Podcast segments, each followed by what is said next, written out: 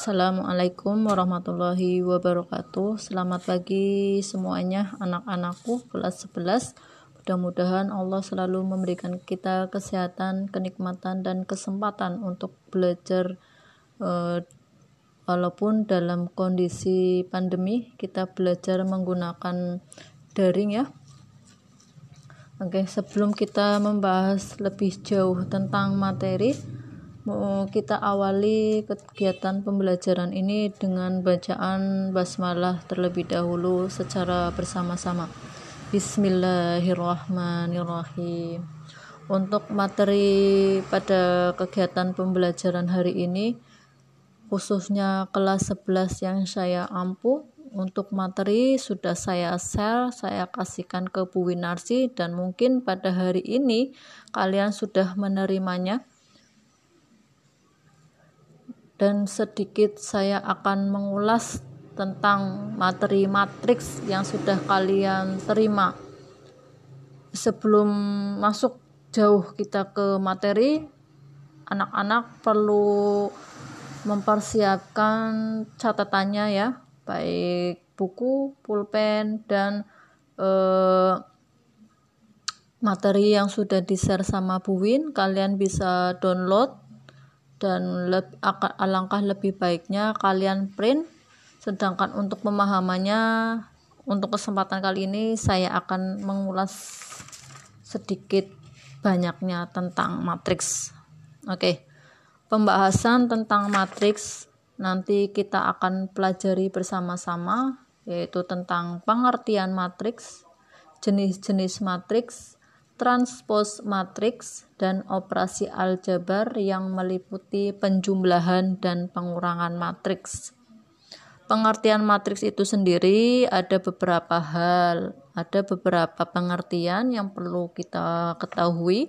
Yang pertama, matriks itu adalah himpunan skalar bilangan real atau kompleks yang disusun atau dijajarkan secara empat persegi panjang menurut baris-baris dan kolom-kolom. Yang kedua, matriks adalah jajaran elemen berupa bilangan berbentuk empat persegi panjang. Dan pengertian yang ketiga, matriks adalah suatu himpunan kuantitas-kuantitas yang disebut L elemen disusun dalam bentuk persegi panjang yang memuat baris-baris dan kolom-kolom. Ketiga pengertian itu merupakan pengertian matriks ya. Kemudian untuk notasi yang sering digunakan di dalam matriks itu ada tiga. Yang pertama ada kurung biasa yang kedua, kita gunakan kurung siku. Dan yang ketiga itu ada kurung garis ya. Dan biasanya matriks kita beri nama dengan huruf kapital atau huruf besar ya. Kita kasih huruf kapital atau kasih huruf besar. Misalnya saja dengan huruf A, B, C, D dan seterusnya ya selama itu kita gunakan huruf besar ya. Hurufnya apa saja dari A sampai Z ya. E, itu itu e, biasanya sering dipakai di dalam menuliskan matriks. Kemudian perhatikan untuk contoh matriks yang ada di bawah materi yang sudah di share sama Buin ya. Yang pertama ada matriks A ada matriks B dan ada matriks C ya. Perhatikan untuk matriks A ya, itu ada dua baris dan dua kol kolom. Untuk matriks B itu ada dua baris dan satu kolom. Sedangkan untuk matriks matriks C itu ada satu baris dan empat kolom kita akan gunakan matriks tersebut untuk mempelajari lebih jauh tentang materi materi yang akan saya bahas pada kesempatan hari ini. Ya. Untuk matriks A itu ya.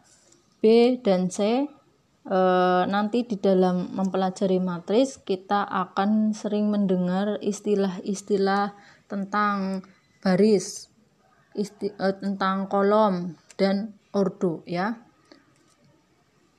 Apa itu baris, apa itu kolom, dan apa itu ordo? Mari kita dengarkan ulasan saya e, lebih jelasnya. Oke, perhatikan ya. Baris itu adalah letak yang mendatar, letak yang mendatar ya, horizontal. Sedangkan kolom itu adalah letak yang vertikal, angkanya turun ke bawah, itu vertikal ya itu baris dan kolom. Kemudian jika kalian perhatikan pada matriks A yang ada yang pada contoh di atas ya ada yang namanya elemen baris pertama itu negatif 1 dan negatif 3 perhatikan untuk matriks A ya ada dua baris. Baris pertama elemennya negatif 1 negatif 3 baris kedua elemennya 2 12 ya.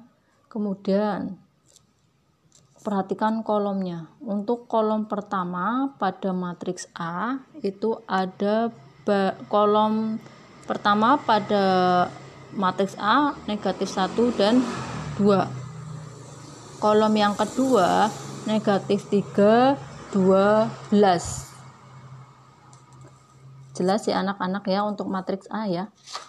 Oke untuk yang matriks B perhatikan. Itu ada dua baris dan satu kol kolom. Karena yang mendatar itu ada ada dua. Kalau kalian tarik garis ke eh, sana mendatar itu ada tiga, eh, ada dua baris. Dan kolomnya itu yang turun ke bawah angka yang turun ke bawah itu hanya ada satu. Makanya matriks B itu dikatakan memiliki dua matriks dan eh dua baris dan satu kolom. Sedangkan matriks C itu ada satu baris, hanya memiliki satu baris dan empat kol kolom. Oke, sudah jelas ya anak-anak ya tentang apa itu baris dan kolom ya. Kalau sudah jelas, saya lanjutkan untuk ordo. Setiap matriks itu memiliki ukuran matriks yang disebut dengan ordo kalau kalian sudah jelas tentang baris dan kolom, nanti ordo pun kalian akan lebih mudah karena ordo itu sendiri dinyatakan dalam M kali N ya. M-nya itu apa? M-nya itu adalah jumlah barisnya. Kalau sudah paham apa itu baris, letaknya baris bagaimana, nanti sudah sudah paham. Oh ini barisnya ada dua. Oh ini barisnya ada tiga. Oh, ini berarti matriks A ada dua baris karena ada dua baris ya yang yang mendatar ke sana ada du, dua itu ya. Kemudian kolom, kolomnya ada berapa untuk matriks A? Ada du, dua. Makanya matriks A dikatakan memiliki ordo dua kali du, dua karena jumlah barisnya dua dan kolomnya ada 2. Perhatikan kembali untuk matriks B yang ada pada contoh di atas. Coba. Matriks B itu memiliki jumlah baris 2 dan kolomnya 1. Makanya ordo matriks B itu adalah 2 kali 1 ya. Kemudian untuk ordo matriks C ada 1 kali 4. Kenapa 1 kali 4? Iya, karena 1 itu adalah jumlah barisnya dan 4 ada jumlah kol kolom. Jelas enggak?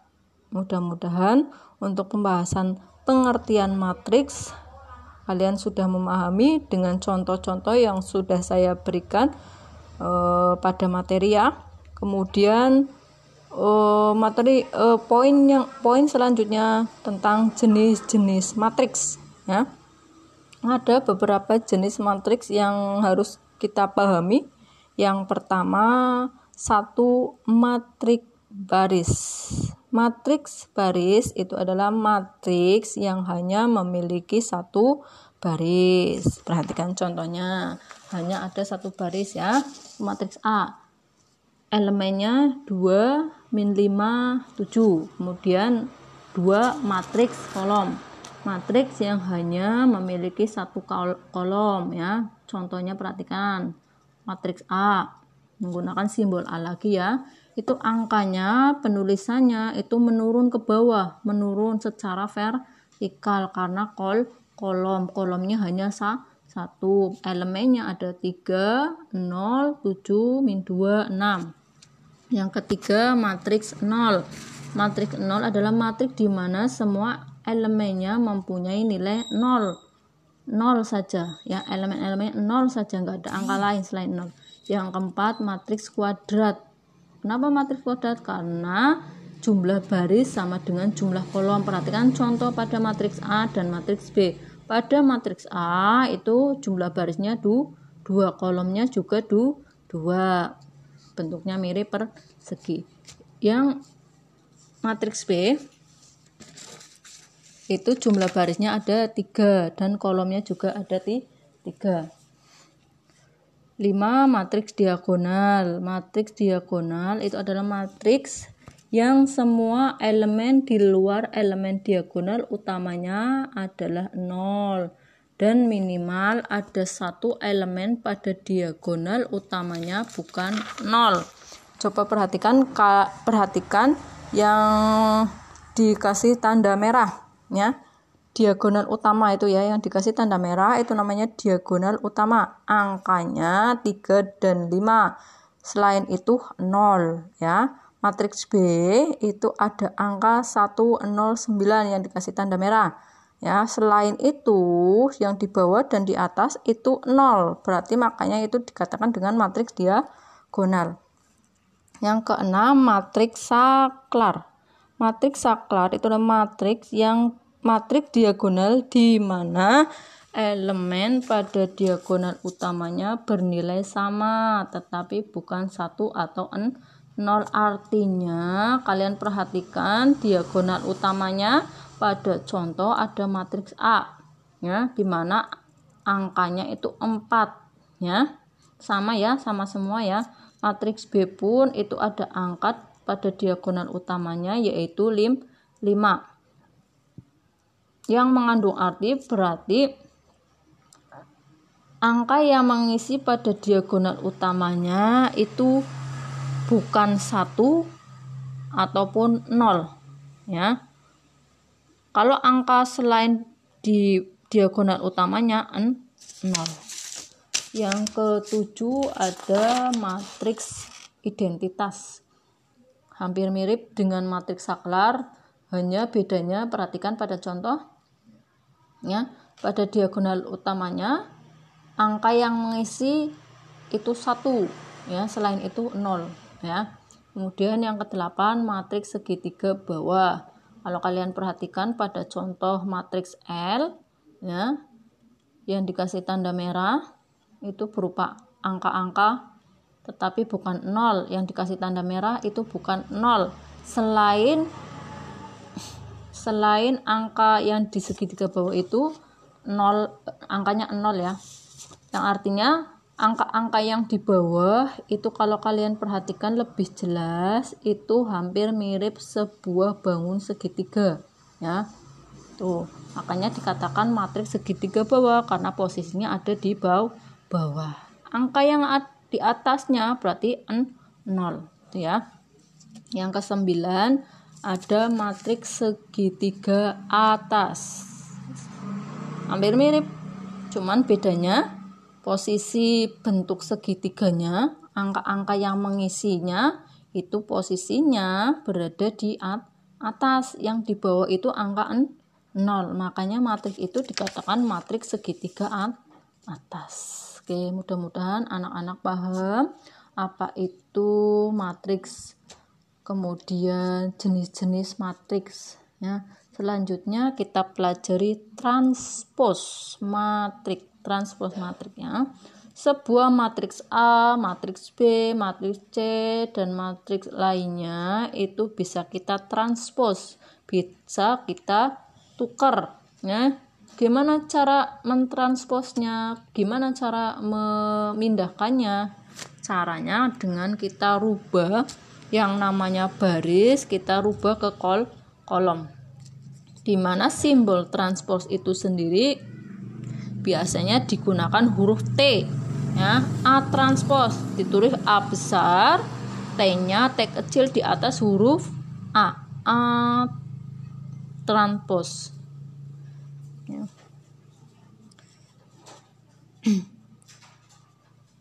hmm, matriks AT itu diperoleh dengan cara menukar elemen setiap baris dengan elemen setiap kol kolom. Perhatikan untuk contoh pentransposan matriks yang ada di bawah yaitu trans, e, matriks A ya. Oke, matriks A itu e, dikasih warna merah, hijau dan ungu. Coba perhatikan untuk yang merah itu baris pertama, yang hijau baris kedua, yang ketiga itu yang warna ungu itu baris ketiga.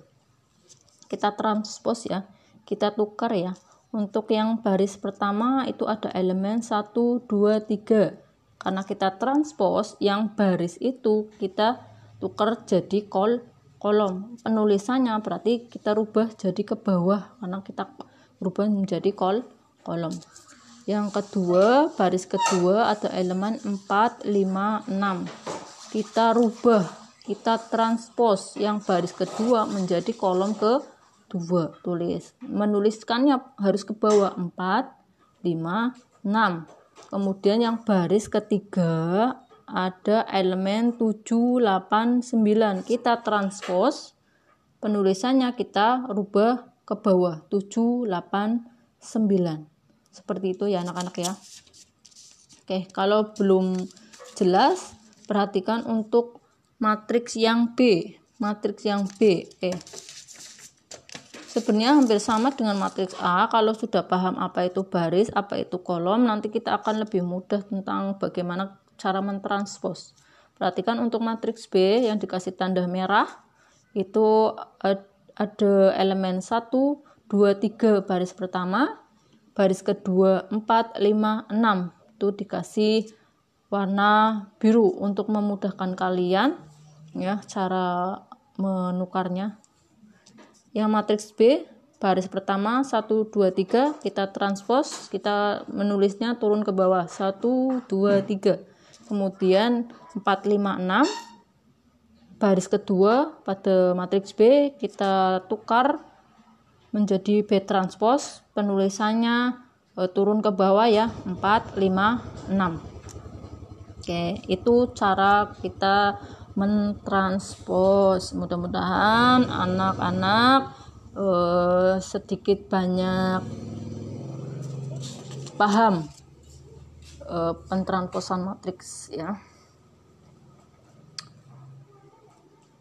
Perhatikan bahwa ordo matriks B itu adalah dua kali tiga. Matriks B ordonya dua kali tiga memiliki dua baris dan tiga kol kolom ya Sedangkan setelah ditranspos, setelah dilakukan transpos, maka ordonya, ordo dari matriks B transpos itu berubah menjadi tiga kali du, dua. Ada tiga baris dan dua kol kolom. Oke materi selanjutnya poin selanjutnya operasi aljabar yaitu tentang penjumlahan dan pengurangan matriks ya. Umumnya penjumlahan dan pengurangan pada matriks sama dengan penjumlahan dan pengurangan biasa. Yang membedakan apa? Yang membedakan adalah aturan. Aturan dalam penjumlahan dan pengurangan matriks. Aturannya apa aja? Perhatikan matriks A dan matriks B atau C, D ya dan selanjutnya itu bisa dijumlahkan ataupun dikurangkan jika mempunyai ukuran atau ordo yang sam sama. Kalian kan sudah tahu ordo ya, sudah tahu baris, sudah tahu kol kolom. Ya, makanya untuk mempelajari penjumlahan dan pengurangan ini kalau belum jelas tentang ordo kalau belum jelas tentang baris dan kolom maka kalian nanti akan bingung. Makanya kalian harus pelajari dulu harus mudeng dulu harus paham dulu apa itu baris dan kolom ya. Kalau sudah paham oh ini ordo misalkan ini matriks A ada tiga baris dan dua kolom. Berarti sudah jelas ya yang kedua syarat yang kedua itu matriks yang ukurannya berbeda tidak dapat dijumlahkan atau diku rangkan. Yang ketiga, matriks hasil penjumlahan atau pengurangan mempunyai ukuran yang sama dengan matriks as asal. Ya. Yang keempat, penjumlahan matriks adalah menambahkan elemen pada posisi yang sama pada matriks begitu pula dengan pengurangan ya. Yang kelima, berlaku sifat komutatif pada penjumlahan matriks A ditambah B sama dengan B plus A. Hanya berlaku pada penjumlahan loh ya untuk komutatif. Kalau pengurangan berarti tidak berlaku sifat komutatif. A min B tidak sama dengan B min A. Begitu anak-anak ya. Intinya kalau kalian mempelajari kalau kalian paham terlebih dahulu tentang baris, kolom, ordo, nanti kalian akan lebih mudah di dalam menjumlahkan dan mengurangkan matriks. Oke. Perhatikan untuk contohnya, contoh matriks A dan matriks B. Ya, matriks A dijumlahkan dengan matriks B. Matriks A itu ada tiga kolom, tiga baris dan tiga kol kolom. Tiga baris, tiga kolom, ordonya berarti tiga kali tiga.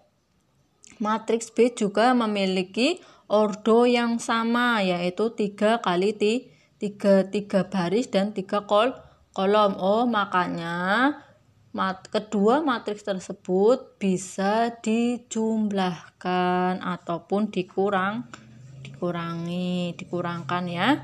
A ditambah B tinggal kalian perhatikan untuk contohnya letak uh, elemen yang dijumlahkan itu harus sama ya. Artinya baris pertama elemen baris pertama kolom pertama dan elemen kol baris pertama kolom pertama pada matriks yang kedua itu harus dijumlahkannya harus yang sama ya maksudnya sama ya perhatikan 2 ditambah 4 min 1 ditambah 7 3 ditambah negatif 8 itu letak dari baris pertama ya. Yang baris kedua 0 ditambah 9 4 ditambah 3 6 ditambah 5 Kemudian baris yang ketiga min 6 ditambah 1 10 ditambah negatif 1 negatif 5 ditambah 2 tinggal kita jumlahkan hasilnya. Ada baris pertama hasilnya 6 6 min 5 min 5 baris kedua hasilnya 9 7 11 kemudian baris ketiga min 5 9 3 untuk pengurangan sama ya. Yang penting kalian jelas. Oh cara menjumlahkannya seperti ini. Oh syaratnya seperti itu. Maka A ditambah B bisa kemudian A min B juga bi bisa. Nah, caranya sama. Oke itu saja yang bisa ibu terangkan sedikit lebih banyak tentang matris. Untuk materi selanjutnya e, nanti kita akan lebih jelas mempelajarinya untuk Eh, waktu-waktu yang akan datang. Jika ada pertanyaan yang ingin kalian tanyakan, kalian bisa memberikan pertanyaan uh, di titik mana yang belum jelas. Nanti barangkali ada kesempatan waktu, nanti kita ulang kembali materi yang pada poin yang uh, susah di mana ya. Oke, sekian e, dari saya pemaparan dari saya untuk materi materi hari ini untuk waktu-waktu yang akan datang juga materi masih kita pelajari seputar tentang materi sekian. Assalamualaikum warahmatullahi wabarakatuh